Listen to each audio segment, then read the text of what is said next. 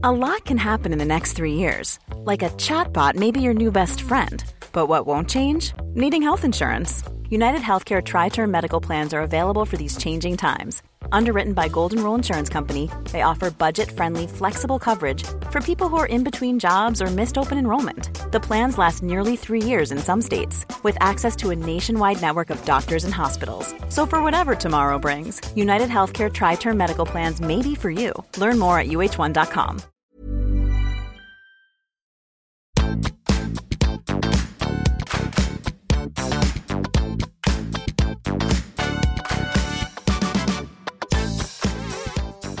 Hei alle sammen, og velkommen tilbake til podkasten Karriereveiledning med Elaine.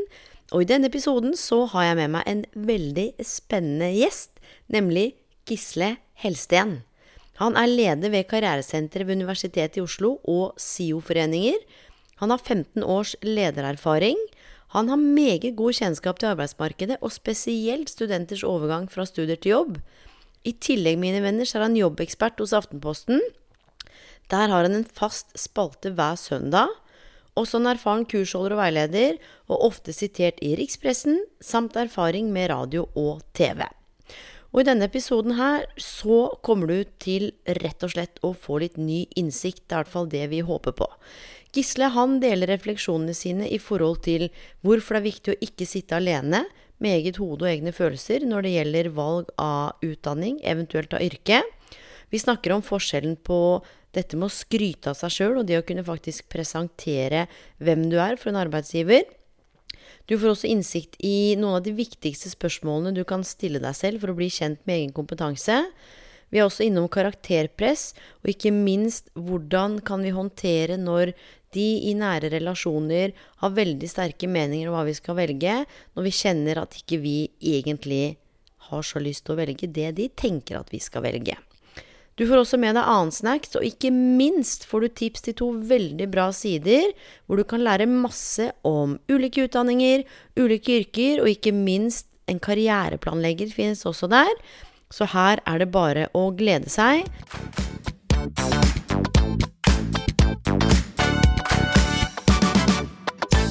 I dag har jeg med meg en veldig spennende gjest som jeg har gledet meg til å snakke med ganske lenge. Han er nemlig leder ved Karrieresenteret ved Universitetet i Oslo. Hallo, Gisle. Hallo, hallo.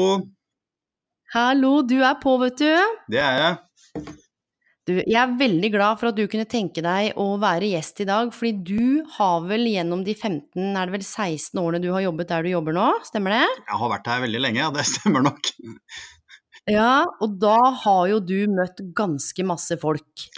Jeg har møtt uh, veldig mye folk, veldig mye studenter, og egentlig fulgt hele dette feltet ganske tett fra den spede begynnelse til, til der vi er i dag.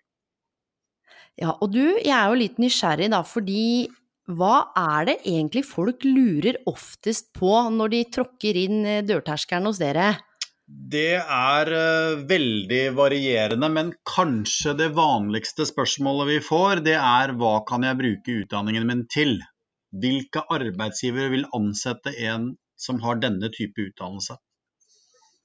Ja, og det, det, der kan jeg faktisk kjenne igjen, for ofte så tar jo folk kontakt nettopp fordi at de har tatt en bachelor eller tatt en master, men så er det ikke nødvendigvis at man helt har fått innsikt i eller kjenner til hva gjør jeg nå? Helt riktig, og man har, Den overgangen der. man har sikkert ikke fått innsikt i hva man kan selv heller. Så istedenfor å begynne å svare på hvor man kan jobbe, så er det kanskje greit å finne ut om studenten kan sette ord på egen kompetanse. Det er ofte der vi begynner. Så det vanligste spørsmålet ned, leder ned til det som er øh, kanskje det vanskeligste å sette ord på. Det er egentlig hva er det jeg kan? Du, og hvorfor er det så vanskelig?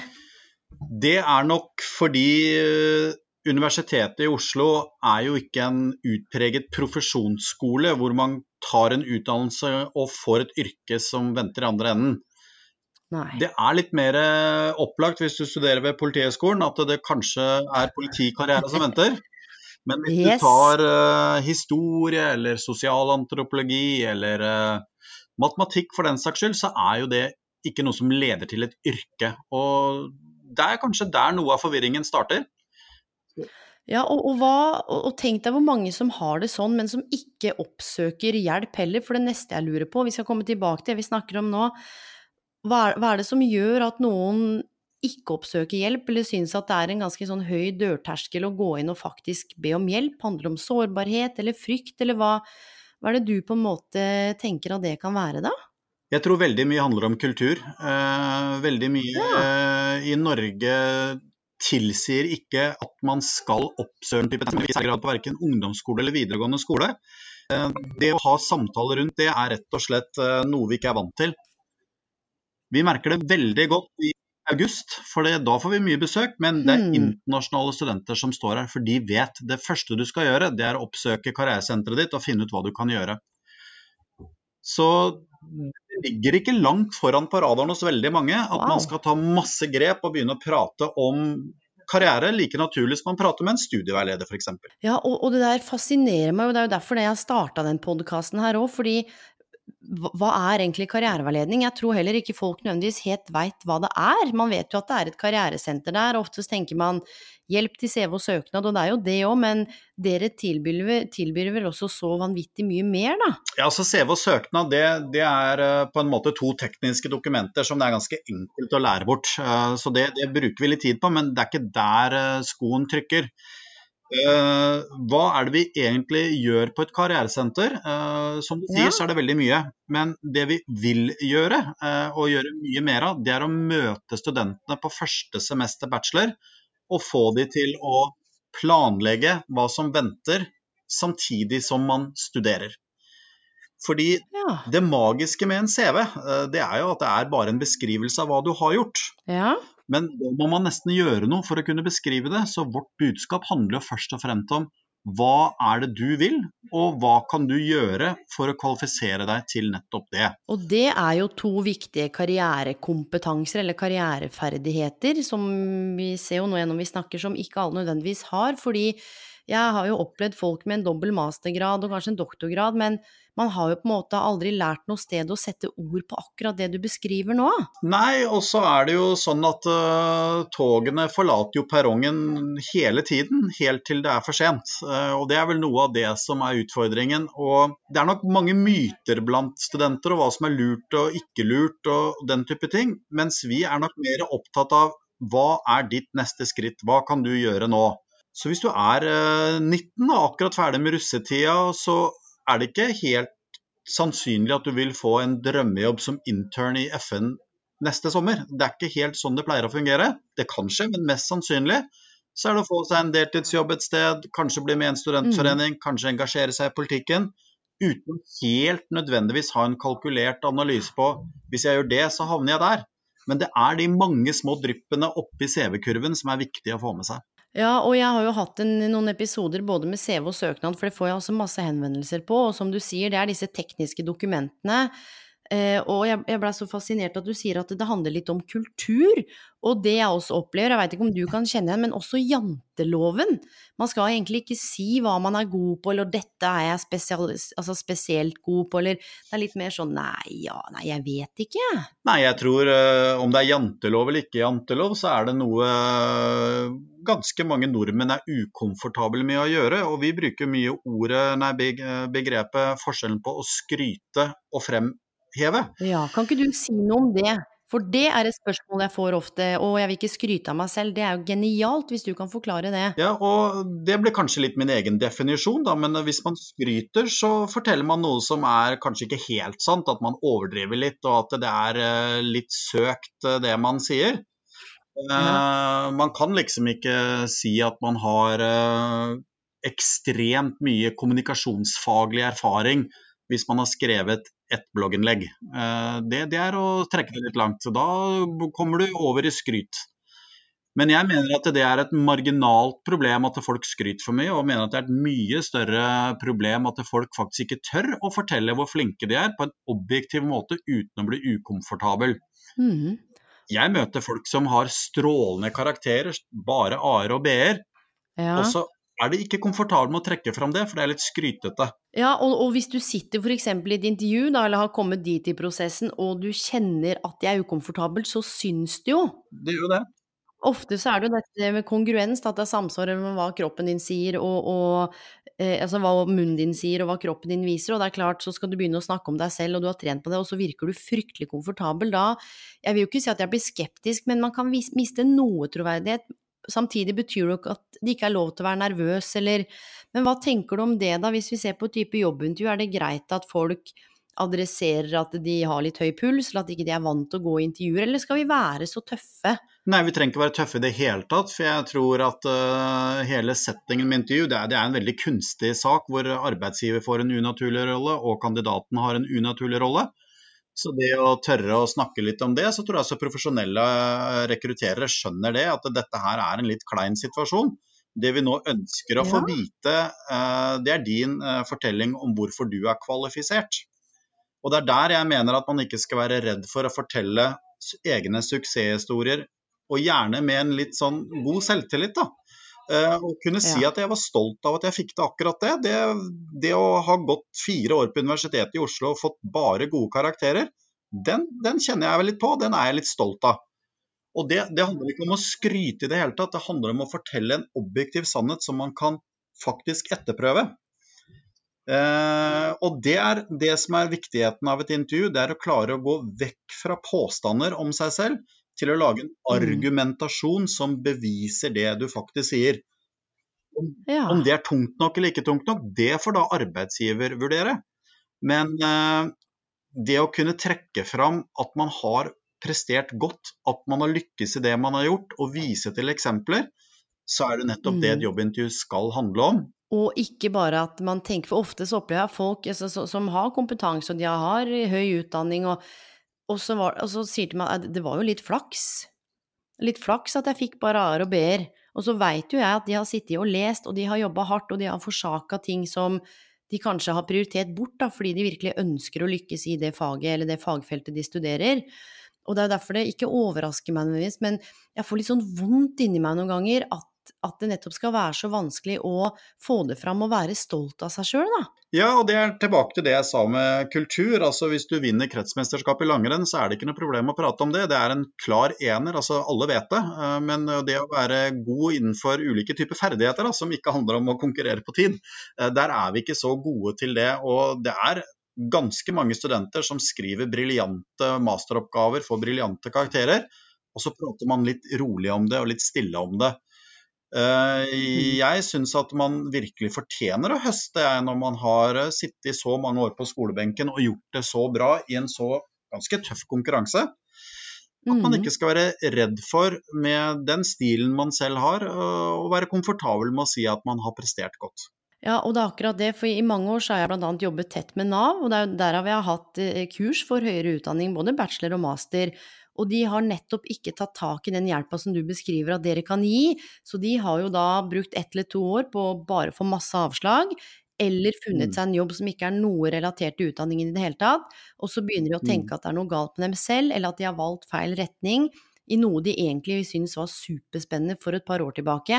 Så jeg tror Norge kan mm. miste en del god kompetanse og gode kandidater nettopp fordi at både kulturen også sier at det er noe med å benytte seg av det og få satt ord på. Altså hvem er jeg, hva kan jeg, hva vil jeg? Og den hjelpen dere tilbyr, at flere veit at det faktisk ikke bare er CV og søknad, men det handler jo om å få fram nettopp det med å sette ord på det du kan, da. Ja, akkurat det med karriere der, det er noe jeg tenker ofte på at det, det er en veldig merkelig ting. for det Tilbake til kultur igjen. for det, Vi er ikke så komfortable med å prate om det. Vi liker ikke kanskje alltid å fortelle hvor gode vi er til ulike ting. Men samtidig vet vi at i enhver sosial setting så er det ingenting som det prates fortere om enn karriere. Hva gjør du? Eh, hva slags jobb har mm. du? Det, det, det faller på mm. det med en gang i, i smalltalken. Og det betyr jo da at man fort kan miste den selvtilliten ved at man ikke har lykkes så godt og har den historien å fortelle. Så, så det er veldig på mange måter tabubelagt å ikke lykkes med å få jobb med en gang. Ja, og opplever du at samfunnet har blitt Eh, relativt individualisert, sånn at individet på en måte kjenner skyld og skam, altså at det er min feil at jeg ikke har lykkes? Ofte?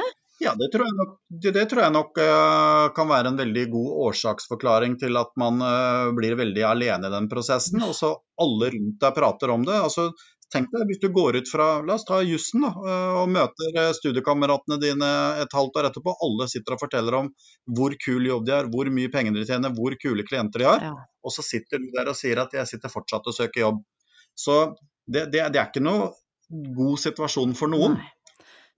Og det er det viktigste budskapet jeg har egentlig i dag. Det er ikke sitt alene i den prosessen, for det er lett å bli selvdestruktiv og skylde på deg selv. Ja, og, og så ser jeg altså Jeg har snart jobba med 20 000 mennesker, og jeg skal være helt ærlig, noen har jo en del unnskyldninger, og jeg skjønner at de kanskje ikke har gjort eller tatt tak i det hele tatt, og det kan jo være grunnen til det. Men av og til så opplever jeg også at samfunnet eller noen av rammene har litt å si, fordi i veldig mange jobbannonser i hvert fall en del, så står det må ha, eller det er krav til erfaring, for eksempel. Og så har du folk som har brukt tre eller fem år på skolen, og som ikke har den erfaringen, men de har kanskje annen erfaring fra et annet fagfelt, eller jobba på Kiv, eller hva vet jeg, som kan ha noe overføringsverdi. Hva, hva, hva tenker du om det? At eh, ofte så er det et krav til erfaring, og noen steder så må det jo være det, men hvordan skal folk på en måte komme seg inn da, hvis ikke de har De må jo starte et sted. Altså, anbefaler ja. dere praksis, altså arbeidstrening, trainee? Hva, hva, tenker du eller dere rundt det, da?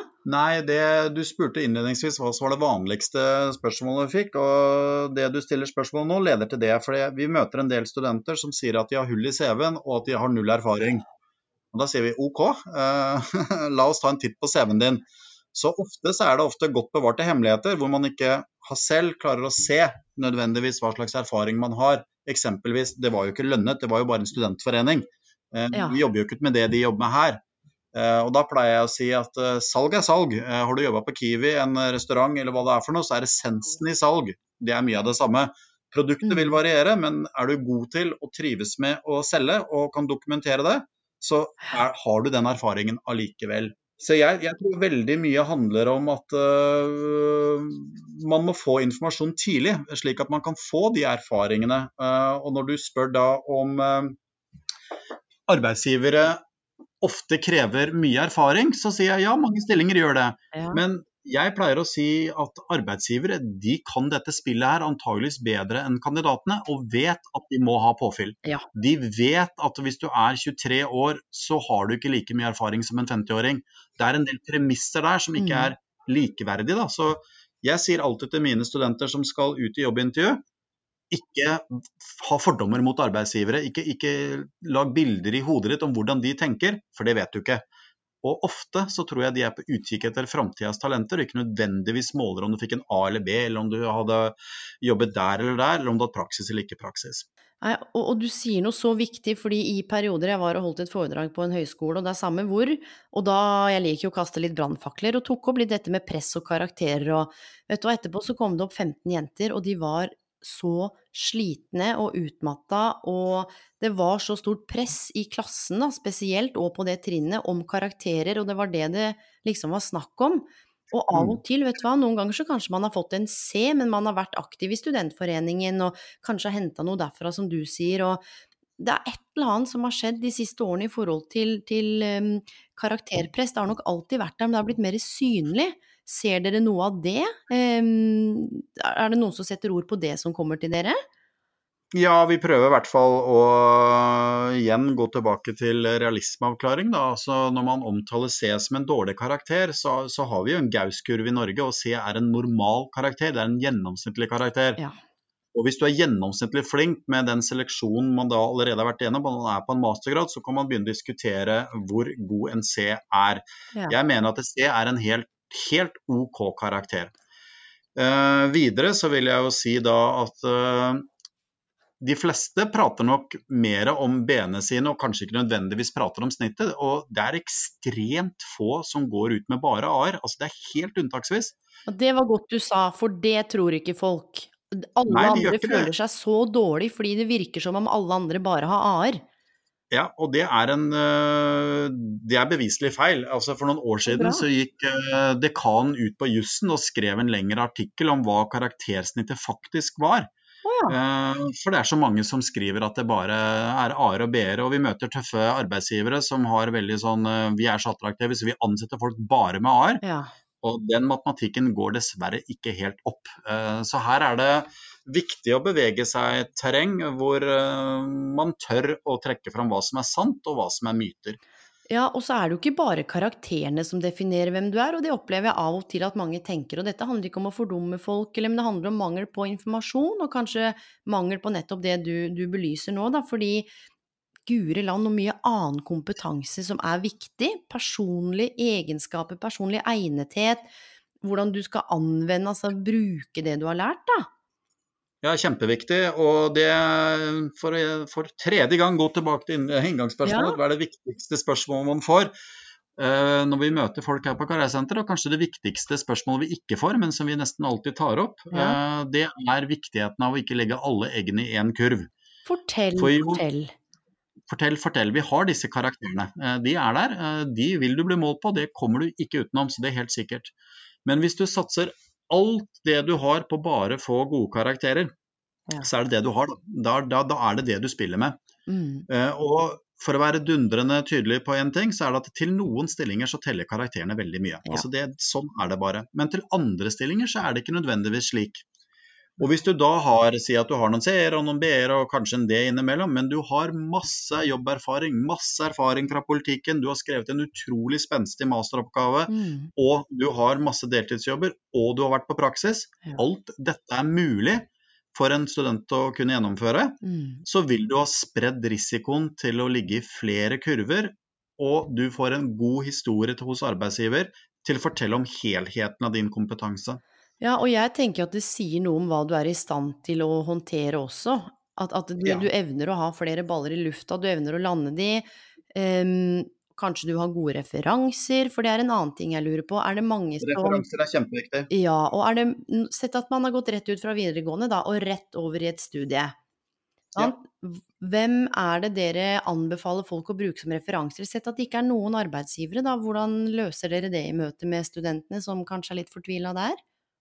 Nei, igjen, Viktigheten av å komme til et karrieresenter tidlig er jo nettopp fordi at vi kan fortelle dem det, at du, du er nødt til å skaffe deg noen referansepersoner. Ah. Og en referanseperson, eh, det kan du få gjennom å få en deltidsjobb gjennom Manpower, så har du det. Ja. Eller så kan du få det gjennom veilederen din. Eller hvis du trener pike 16 og kan få oppmanne den idrettsklubben til å være referanse for hvordan du gjør trenerjobben din.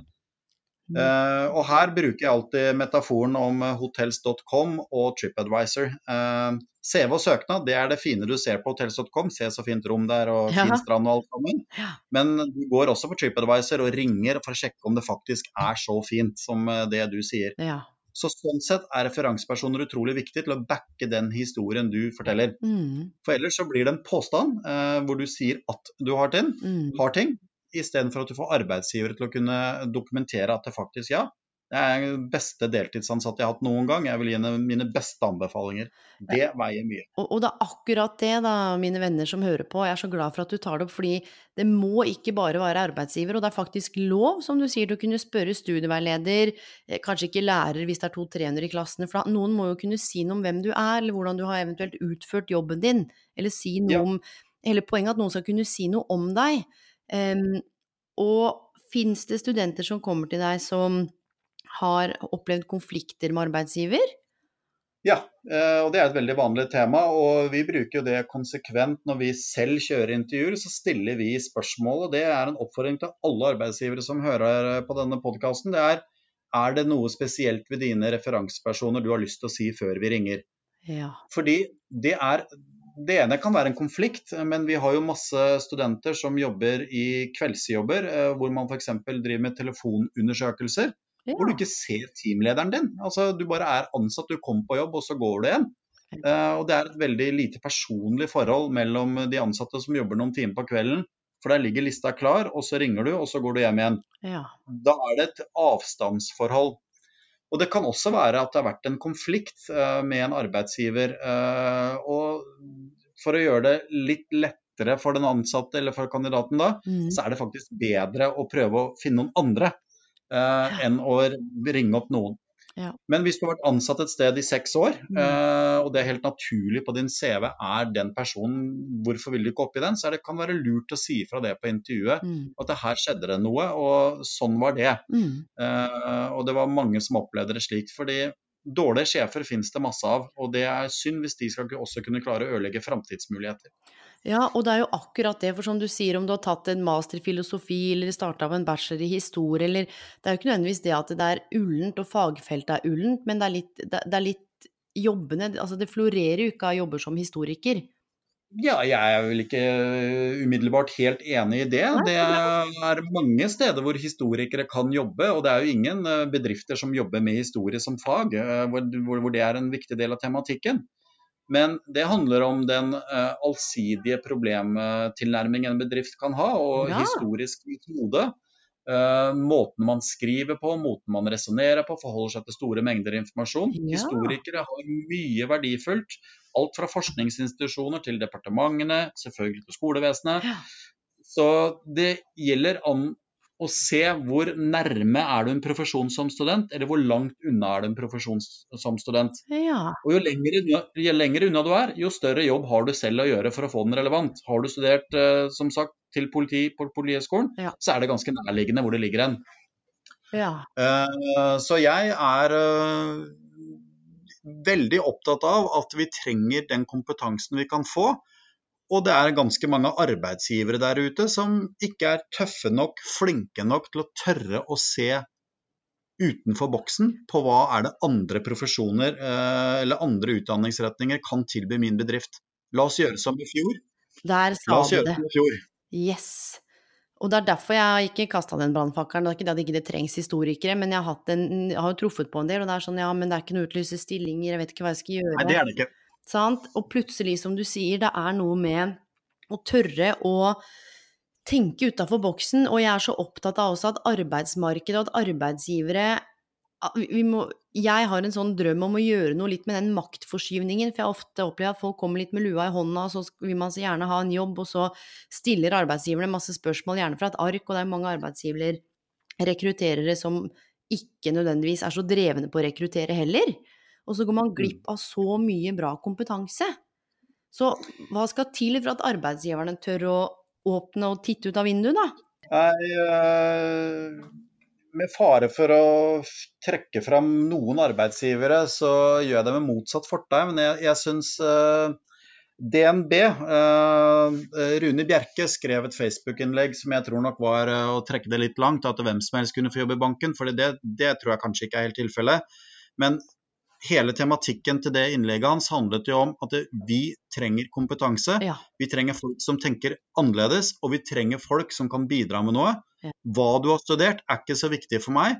Om du har et hull i CV-en er ikke så viktig for meg, men det er hvordan du vil argumentere for at du kan bidra. Så er du velkommen til å søke hos oss.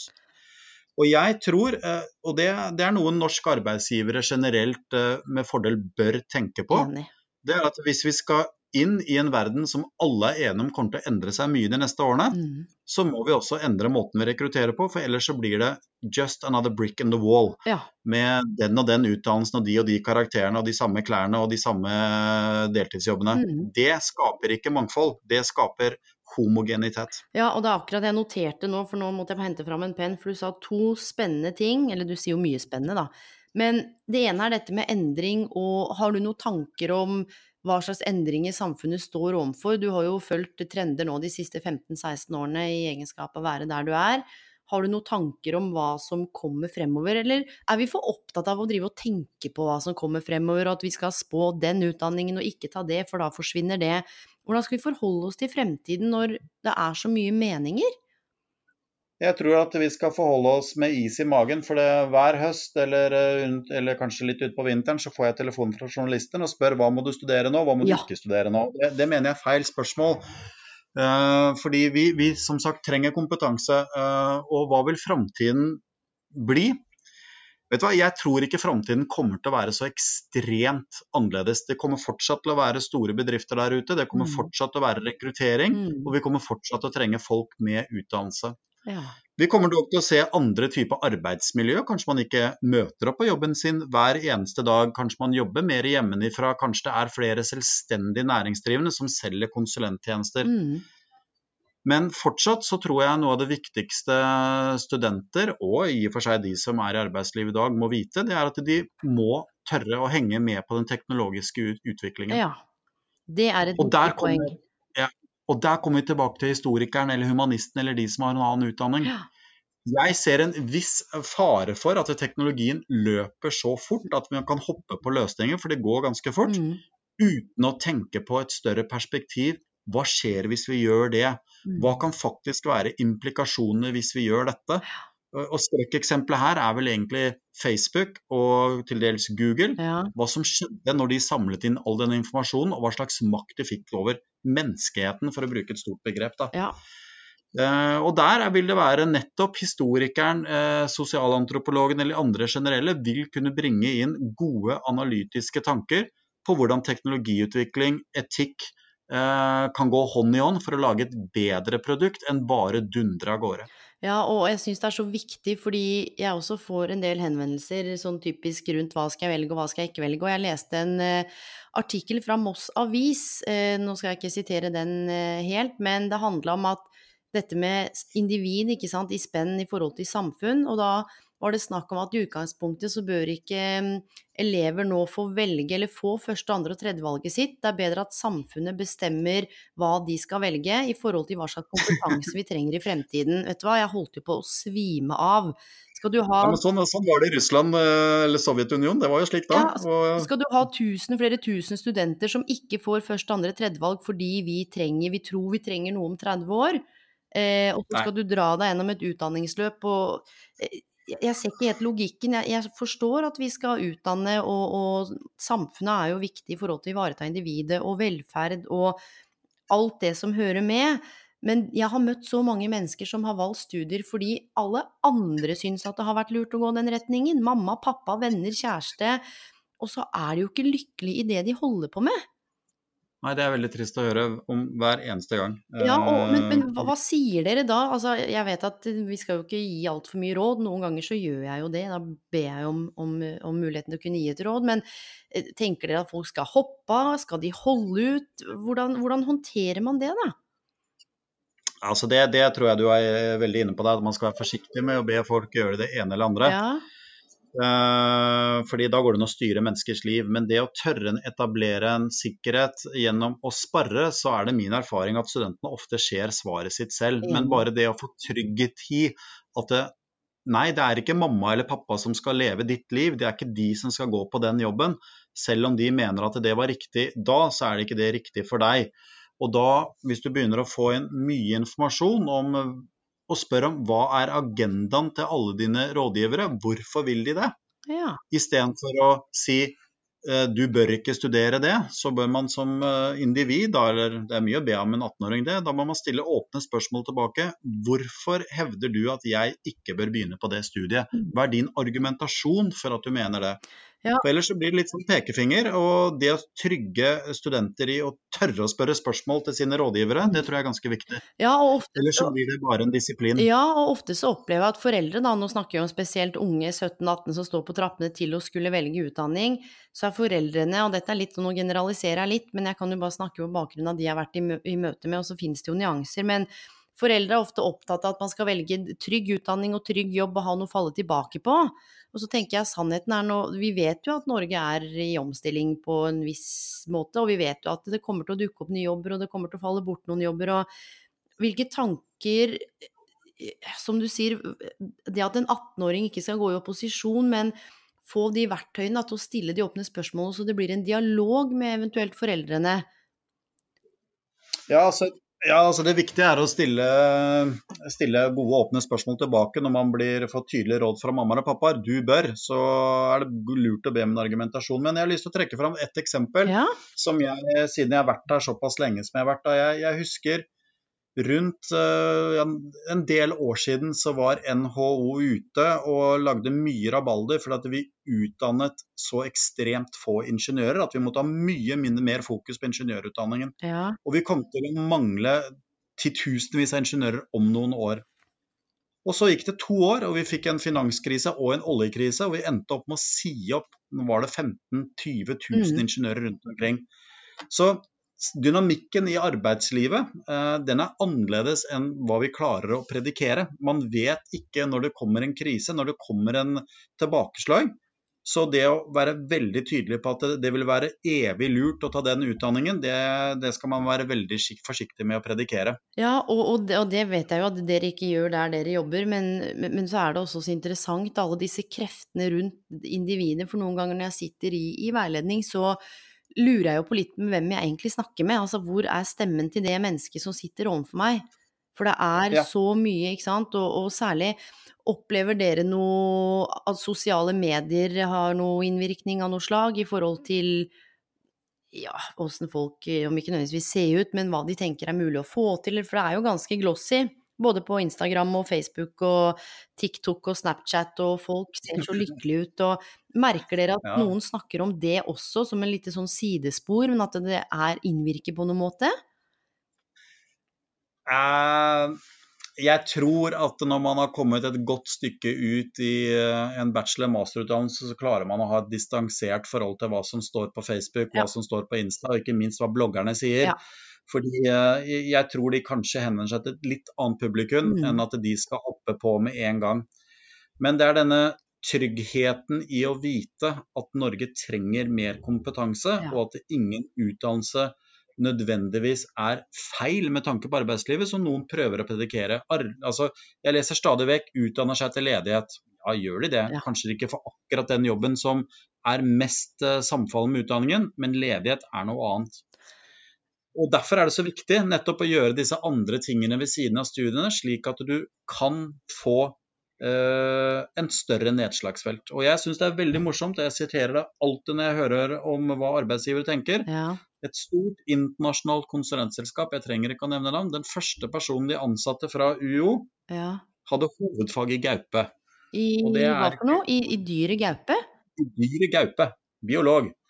Og han fikk en stilling, eh, det er ganske mange år siden nå, i dette konsulentselskapet som driver med business consulting. De var ute etter hodet, ikke selvfølgelig at han kunne mye om gaupe.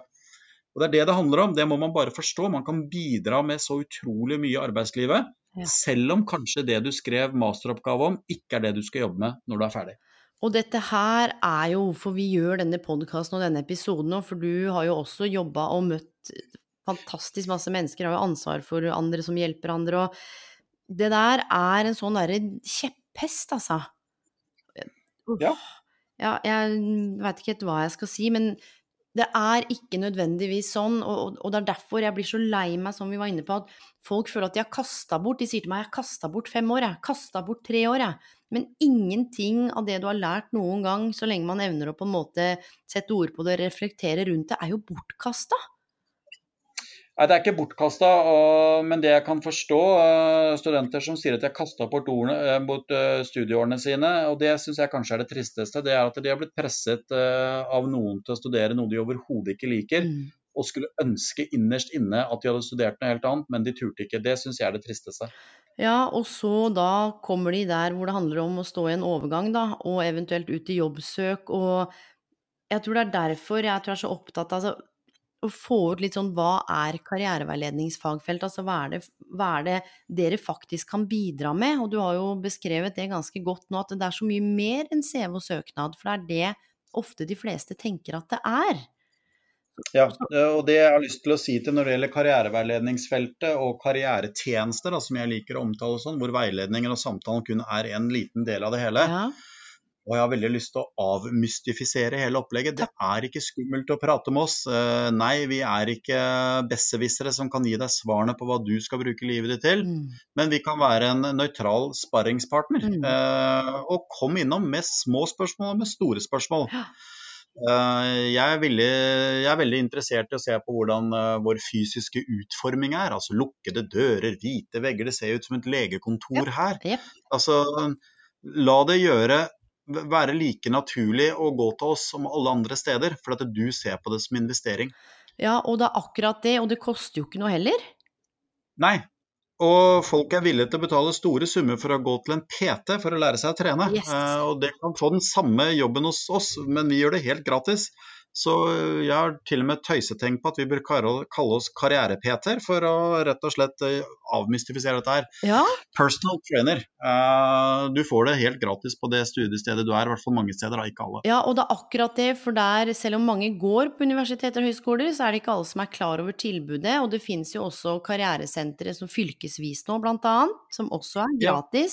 Det går jo an, altså du må, skal du ha veiledning på Nav, så er det jo antageligvis på dagpenger eller stønad eller eh, man løper jo ikke ned der og får veiledning sånn ut av det blå, men de samarbeider jo med disse fylkesvise karrieresentrene, og det er bare det at med den podkasten her, om dere hører på og, og, og går ved universitetet da i Oslo, at gå innom, si hei, og jeg tror det er det der første møtet, folk bruker så mye tid i eget hode på å se for seg hvordan det skal være, hvordan man blir møtt. Kanskje man har noen spørsmål man skammer seg over? Kanskje det, og øh, tilbake til kulturfenomenet som jeg er da ganske opptatt av. Det er jo det at øh, veldig mange assosierer karrieresentre med noe man bør gjøre på slutten av studiene. Yes. For da skal jeg ha jobb og sånn. Ja. Uh, og det er jo sånn som jeg ser det, en feil strategi. Mm. Altså du bør egentlig når den dagen du begynner på videregående, faktisk, så vil jeg påstå at din karriere har begynt. Ja. Og studier er en del av det å forme sin egen karriere, og det å bruke da noe tid på å samtale med noen som eh, kan forhåpentligvis være meget gode samtalepartnere, Mm. gjør at du har noen nøytrale som du kan gå hånd i hanske med gjennom 20-åra og tenåra, Mm. eh, før du begynner å forme din egen yrkeskarriere, som er noe ganske annet enn en studiekarriere. Ja, og, og så henger jo de sammen, som du sier. Og så er det jo noe med at mange skal jo ha en form for yrkeskarriere ganske lenge, ikke sant. Det er jo en del unge hos dere, og sikkert en del eldre òg. Og det kan jo være at man blir nødt for å skifte jobb. Det kan være at man blir nødt for å omstille seg. Ikke sant? Det kan være at man detter ut av arbeidslivet. Og opplever du at folk kommer og har en og har Altså de som på en måte veit hva de vil, da, og kommer innom allikevel, at eh, de skal ha den jobben, og, og, der skal de være resten av livet. Og grunnen til at jeg sier det, er fordi at moren min blant annet var jo Hun er jo 71 nå. Hun var jo 50 år i samme jobb. Mange av den eldre generasjonen var jo i trygge, faste jobber over lang, lang, lang, lang tid. Men kan Ja, der skjer vi en, der, der skjer vi en endring i Norge. Yes. Altså Kongens fortjenestemedalje etter 25 år, den er det ikke så mange som er stolt av å få lenger. Det er liksom Oi, jeg bytta aldri jobb. Jeg er jo snart i den kategorien sjøl. Ja. Men jeg trives nå en gang i jobben min, altså det er helt greit. Men uh, de som uh, Å ha tre-fire jobbskifter før du er 30, det, det tror jeg er, kommer til å bli mer og mer norm enn noe som er rart. Ja, vi møter en del eh, som er i 30-åra, 40-åra, som eh, ikke kanskje tok en utdannelse, eller som tok feil utdannelse, som har nå en mulighet til å begynne på nytt igjen. Og, og begynner eh, i relativt ikke voksen alder er litt feil å si, da, men i 30-40-åra. Nå skal jeg gjøre det jeg alltid har hatt lyst til, Mm. og så skal jeg jobbe med det resten av tiden. Ja. De møter vi en del av karriereskifterne, som vi kaller dem. Ja, ja, ja. Og så i en litt sånn forlengelse av det, så lurer jeg på, for nå snakker vi jo naturlig nok, fordi dette er jo ved Universitetet i Oslo, og som tilbyr et veldig stort utvalg av utdannelser. Noen strategier for å velge rett utdanning? Altså nå snakket vi om disse kreftene som kan påvirke rundt, men hvordan vet man på en måte at man er på rett hylle, da? At man har valgt det Ja, som det, er det, riktig? det tror jeg er en eh, Det er jo et eh, orakelspørsmål som det er vanskelig å gi et tydelig svar på. Men det som jeg anbefaler når jeg prater til videregående skole eller i forbindelse med samordna opptak, så er det å se seg selv i speilet og begynne med å stille spørsmål av de fagene du har, har nå på videregående skole. Hvilke fag er det du syns egentlig har vært de morsomste? Eh, Hva er det du trives best med å gjøre? Ja. Så er jeg veldig opptatt av at man kan se bakover for å finne ut det. Man bør også se forover. Eh, og å velge utdannelse det er et av de største valgene man gjør i livet. Altså, det koster eh, fem år av livet ditt, Mm. så det er ikke noe man kan gjøre mange ganger. Nei. Bruk tid på å undersøke hva forskjellen på de ulike fagene er. Som jeg sier, det er forskjell på å studere statsvitenskap og sosiologi og sosialantropologi, men alt er samfunnsfag. Mm. Så man må tørre å hente inn den informasjonen og brekke det ned. Og er det noen nettsider du anbefaler folk å titte innom, eller som du kan henvise til for å få litt mer oversikt? Fordi det er jo ikke bare bare for oss heller å sitte med da, oversikt over flere tusen utdanninger og utdanningssteder og Fins det noen gode nettsider? Ja, Og jeg har lyst til å nevne to supersider. Ja. Eh, det ene er jo selvfølgelig utdanning.no, som er helt briljant på å kunne vise hva de ulike fagene er, hvor du også kan hente inn dybdeinformasjon. Og Der ligger det også en karriereplanlegger som det går an å bruke for å se om du gjør de tingene gjennom studietiden for å gjøre deg selv en tjeneste ved å være allsidig. Men kanskje den viktigste siden, eh, det er LinkedIn. Fordi LinkedIn er altfor assosiert, i hvert fall sånn som jeg kjenner det fra våre brukere, om at det handler om overgangen, finne jobber osv. Det gjør det også. Men hvis du som ung går inn og setter noen uh, grenser for hva du gjør i søk, så kan du f.eks. finne ut av de som gikk ut fra Universitetet i Oslo og har studert sosiologi de siste 15 årene, hvor jobber de i dag, og med hva jobber de i dag. Ja. Da kan du virkelig dra en korrelasjon og se at det, nei, det er ikke slik at hvis du studerer det eller så havner du der. Men du vil se et mønster hvor mange har gått. Og det kan gi god informasjon. Og når du vurderer å søke deg til et universitet eller høyskole, ja. prøv å se om du kan finne en kandidatundersøkelse som viser og sier noe om hva som skjer med kandidatene. For det går an å tenke to ting på en gang. Det er hva har jeg lyst til å studere? Og så litt sånn realisme. Hvordan ser det ut på den andre siden med tanke på jobb, og hvor det er naturlig at min type utdanningen jobber på sikt? Ja, og der Nå håper jeg virkelig folk noterer her så blekket spruter, fordi det er jo mulig å finne en del informasjon på forhånd, eller bruke internett. Nå er det ikke nødvendigvis man skal bruke det til alt, for det er jo et hav av muligheter der. Men som du sier, både utdanning.no og LinkedIn, og det å ha karriereferdighetene til å kunne søke den informasjonen og, og pusle det litt sammen, da vite litt hva man ser etter. Det er jo Mm. det det handler om. Og nummer to, i forhold til det du sier at kjenn på når du snakka om videregående, hva er det du syns var morsomt, hva er det som interesserer deg? Mm. At det er i hvert fall Det ligger noe der, da. Hva er det som gjør at pumpa di slår litt ekstra? Eh, men på en annen side så opplever jeg også folk som har tatt utdanninger, og som har elska å ta utdanningen, men så skjer jo familieliv eller andre ting som gjør at nå har de en ja, åtte til tre jobb. Jeg syns ikke den er noe spennende, men det er så mye annet rundt da som gir mening enn selve jobben. Mm. Sant? Men det betyr ikke at de tenker at eh, utdanningen har vært bortkasta. Det har vært masse å ta med seg. Jeg tenker blant annet kritisk tenkning, evnen til å analysere, nye bekjentskaper. Det er jo mye annet man får med seg enn bare et fagfelt, er du ikke enig i det? Veldig enig i det. Og vi har en viss president som sitter på en eh, annen side av Atlanteren. Eh, som er med på å utfordre etablerte sannheter og med på å utfordre faktisk kunnskap. Uh, og det er nettopp her og nå, i den verden som skal formes, så vil jo det å uh, Presset på hva som er sant, eh, hva vi kan dokumentere, hva som er forskjellen på fake news og hva som er vitenskapelig, Mm. det er helt avgjørende at man tør å stå imot det. Mm. Og da er utdannelse den desidert beste vaksinen man kan ta for å sikre seg at man er kompetent til å tørre å stille spørsmål med sannheter som blir profilert. Ja. Eh, Jeg syns dette eksperimentet som er gjort på Lillestrøm videregående skole nå, er interessant i seg selv, for å vise at det er lett å bli påvirket av noe som ikke er sant, som gjør at du kan agere deretter. Fortell kort om det eksperimentet, er du snill. Ja, det eksperimentet var i forbindelse med skolevalget, hvor uh, Folkeopplysning med han Andreas Wahl, er det ikke det han heter da, som har vært inne og forsøkt å manipulere informasjonen som er gitt, Mm. for å gi en politisk retning, for å se om han klarte å få utslag i om han kunne få en overrepresentasjon ved skolevalget der. Ja. Han har jo fått masse, masse, masse, masse kritikk for at det var uetisk, og at det ikke er NRKs uh, mulighet til å gjøre eller oppgave å drive med det. Mm. Men det jeg syns er interessant, er at det er eh, man utsettes for manipulasjon absolutt hele tiden. Yes. Og da er det nettopp det evnen til å tenke kritisk, evnen til å Mm. si at det selv om mange mener noe, så er ikke det det samme som at det er sant. Nei, og det Eh, Bare det i seg selv det- er er viktig altså- kompetanse.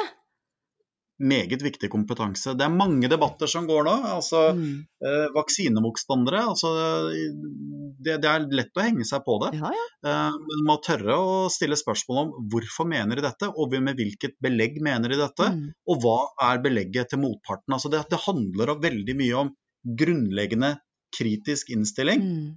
Og det er ikke til motsetning å være løsningsorientert. Eh, men det tør å stille de store spørsmålene, mm. det lærer man veldig godt på akademia. Ja, og det tenker jeg kan jo være en litt sånn rød tråd gjennom alt vi har snakket om. Nå beveger vi oss snart opp på 50 minutter. Så mye har vi holdt på nå, Gisle, og dialogen flyter. Og jeg har ikke noe manus, jeg hadde ikke forberedt noen ting. Jeg hadde bare lyst til å kjenne på hvor vi var og hva vi skulle snakke om. Og kritisk tenkning, ikke sant. For meg så er jo det noe av nøkkelen og jeg håper jo for de som hører på også, det betyr ikke at det du tenker er galt, eller Men det er noe med, som du sier, å kunne stoppe opp litt. Hva som gjør at jeg tenker det? Hvor kommer den tanken fra? Fordi alle sier det, er det da riktig? Ja, det må det jo være. Og, og, og det er det som jeg sa jeg kjenner til best fra akademia. Nå, nå holder jeg på med master i karriereveiledning selv. Jeg blir jo hele tiden utfordra på den kritiske tenkningen. Um, og det er noe av det som har gitt meg mest, selvfølgelig i tillegg til teori og fag òg. Men det er den evnen til å kunne tenke kritisk. Og samtidig er jeg nysgjerrig på én ting, for å bare starte og avrunde litt. Hva med alle de Gisle, og det kan jo være litt sånn betent å kanskje svare på det, siden du nettopp jobber ved et karrieresenter ved et universitet. Hva med alle de som ikke makter utdanning overhodet? Det er helt supert, det. Altså, utdanning er Det er ikke noe selvfølgelig. Og jeg er veldig opptatt av at uh, universitet- og høyskolesektoren ikke er noe bedre enn yrkesfag eller fagskoler. Altså, vi, vi trenger hele sulamitten i Norge, og heldigvis uh, så er det folk som har lyst til å bli tømrer eller frisør eller murer eller noe sånt noe. Mm. Og de skal ikke føle seg en millimeter, og jeg håper ingen gjør det heller, underlegen de som tar høyere utdannelse. Og det er vel et men det er litt sånn i samfunnet, opplever du ikke det at det er? Eller Jo, det, er en viss, det kan være en viss form for arroganse uh, ved at man kan bruke vitenskapen og universitet- og høyskolelærdommen mm -hmm. på en måte til å si at man er bedre enn noen andre. Men det er ikke det som er mitt inntrykk, og det er i hvert fall ikke det som er min holdning. Vi trenger hverandre. Mm. Uh, vi trenger ikke en eneste historiker hvis det ikke er murt opp et bygg hvor de kan jobbe. Altså, dette henger sammen. Og da eh, akkurat det at du, vi eh, trenger mangfoldet, som du sier, og alle kulturer, alle nasjonaliteter. Altså, og, og, det gjør vi. Og noen vil velge det, og noen velger det. Og som du sier, hadde det ikke vært for han som vaska kontoret ditt hver dag, eller kontoret mitt, eller Kan du tenke deg åssen det hadde sett ut? Nei, men jeg har en lang, eh, lang fartstid i restaurantbransjen. Ja.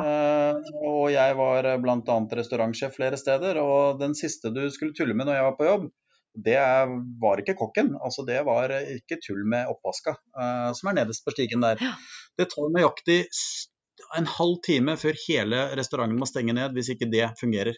Altså Det er det helt mest kritiske punktet i en restaurantdrift. Mm. Det er å få oppvaska til å fungere. Mm. Så det at noen tillater seg da til å vise en viss form for arroganse eller hever seg over det, mm. det har alltid provosert meg grenseløst. For det er faktisk oljen i maskineriet. Det er oppvaska. Ja, og, og oppfordringen her, altså i forhold til det vi snakker om, er om du velger utdanning, supert, Norge trenger det. Om du velger yrkesfag, supert, Norge trenger det. Om du går rett ut og starter din egen bedrift fordi det er det du ønsker, Norge trenger det. Ja, jeg tør jo faktisk å gå så langt. Det den største risikosporten du gjør, det er å droppe ut fra videregående skole. Mm. Uh, og det er vel egentlig det vi ser. at uh, de som vil få problemer med å lykkes i framtiden, det er de som har null uh, formell kompetanse. Uh, og det ser vi som et tydelig utviklingstrekk i dagens uh, teknologiske samfunn. Ja. Det er de ufaglærte jobbene som forsvinner. De var der før. Mm. Men nå kan du ikke dra til sjøs. Det er ikke enkelt å ta et år i militæret engang, for det er ikke lenger noe du må gjøre. Nei. Dagsen fins ikke, så du kan få dagsjobber. Eller mulig at den fins, men det er mye mm. redusert. Mm. Du kan ikke dra ned på brygga og sjaue og losse av skip. Altså alt dette her er borte. Ja. Så det aller, aller, aller viktigste man kan gjøre for seg selv, det er å ta en utdannelse. Mm. Og jeg er veldig opptatt av at utdannelse er ikke bare høyere utdanning, det er en del av det, men ikke alt. Mm. Men hvis du vurderer høyere utdannelse, så har jeg lyst til å slå et slag for eh, dannelsesbegrepet, som er ofte drukner litt. Det er mer enn fag man studerer. Yes. Man får nettopp den dannelsen som er ganske viktig for samfunnet, og da kommer vi over til ferdighetene igjen. At man lærer å tenke, man lærer å samhandle. Men kanskje aller viktigst, nå har vi prata mye om kritisk sans her, men man lærer også å være ydmyk til andres argumenter hvis de er gode og villige til å skifte når man ser at det man selv antok, faktisk kan utfordres med bevis eller belegg. Mm. Og det er nyttig. Man tør å endre kurs. Man tør å se på hva andre tenker på. Og det er ofte litt, eh, kan gjøre litt vondt da, at en teori du selv har hatt og jobba med en stund, faktisk må forkastes hva andre mener, og du er overbevist om det. Det lærer man. Og jeg tenker hva alt det du sier nå, kan jo også være med på å oppfordre folk som har vært litt skremt over høyere utdanning, til å faktisk nettopp tenke dette dannelsesbegrepet. Det er ikke bare faget, men du får med deg mye mer. Og de da som, som vi sa nå, ikke, ikke velger utdanning, det er helt ok. Jeg tenker at man må kjenne litt etter hva som er riktig og viktig for en selv. Og avslutningsvis, da, oppfordrer ikke vi alle til å søke hjelp, eller søke noen å snakke med, en, en sparringspartner, Gisle? Det gjør vi, men uh, ta bort ordet hjelp. For det, jeg hjelper ingen. Jeg snakker med dem. Ja. Uh, jeg er opptatt av at ikke de trenger hjelp. De er selvgående, de er flinke, de er dyktige. Helt Men det kan være lurt å både ha kart og kompass. Uh, vi kan gjerne enten være kart eller kompass, det spiller ingen rolle, men begge sammen er en bedre løsning. Men de har en all mulig grunn til å kunne klare seg selv. Men de trenger ikke hjelp, for jeg vil ikke være en hjelpeinstitusjon. Jeg vil være en institusjon som er en berikelse for den veien de skal gå. Og jeg er så glad for at du påpekte det, fordi det er jo ikke du som gjør jobben heller, det er jo de som må gjøre jobben selv. Men du skal jo stå der, og, og det er perspektivbelysning, og vi kan veilede, og vi kan bidra, og vi kan inspirere, men så er det noe med at motivasjonen og drivkraften og ønsket om å bli selvdreven og selvhjulpen, den må jo ligge der, men vi kan, der kan vi også bidra med rett og slett perspektivbelysning, da. Det er mange ting man ikke har tenkt på, og i et møte med et annet menneske så åpner jo mulighetsrommet seg. Altså tidligere låste dører blir jo nå åpne, sant? Ja, og så kan vi være der og bekrefte at det de gjør allerede er lurt, og vi kan utfordre og si hva om, har du tenkt, har du vurdert at? Eh, vi er på en måte som en liten eh, informasjonsbank som de kan velge å benytte, eller velge å la være å benytte. Eh, og jeg vil jo anbefale at det er ekstremt lav risiko ved å komme hit, eh, men oppsiden kan være potensielt stor. Så hvorfor ikke? Hvorfor ikke? Gisle, tusen takk for at du tok deg tid til å, å ha denne samtalen her som snart har vært, vart en time. Oi, oi, oi. Ja, vi er på Sånn 54 minutter. Vanligvis så har jeg 20-30 minutters episoder, men du har kommet med så mye viktig, og er det noen som hører på som er ved universitetet, eller stikk innom, slå av en prat. Det er virkelig ikke farlig. Sant? Helt riktig. Og vi hjelper ingen. De har allerede hjulpet seg selv. Vi er der for å spare litt med dem og prate litt med dem. Eh, Det er flinke folk vi møter. Du, det er flinke, kompetente, ressurssterke mennesker. Og avslutningsvis, hvis du skulle ha noen innspill til det Gisle har sagt, eller det vi har snakket om, så veit du hva du må gjøre. Da sender du meg en liten melding, og det er ikke sikkert eh, vi kan svare på alt. Men vi kan i hvert fall ta opp noen ting, eller jeg kan ta opp noe i neste podkast, kanskje slå på tråden til Gisle hvis det er et eller annet som folk har lyst til å vite enda mer om. Kanskje du ender opp i en ny episode, vet du. Juhu! Juhu! Tusen takk skal du ha, Gisle. Og så gleder jeg meg til å snakke med deg en eller annen gang, jeg. Tusen hjertelig takk for at jeg har blitt spurt om å være med. Og hvis jeg er så heldig at jeg blir spurt om å være med igjen, så kan jeg fortelle deg med en gang at jeg blir både stolt og kommer til å si ja. Woohoo! Du, så deilig. Alle sammen, kos dere med episoden. Gå litt i dere sjøl, tenk store, fine tanker, og lytt virkelig til det Gisle har sagt. Her var det mye gullkorn. Og så på gjenhør. Ha det godt! Ha det, Ha det, ha det.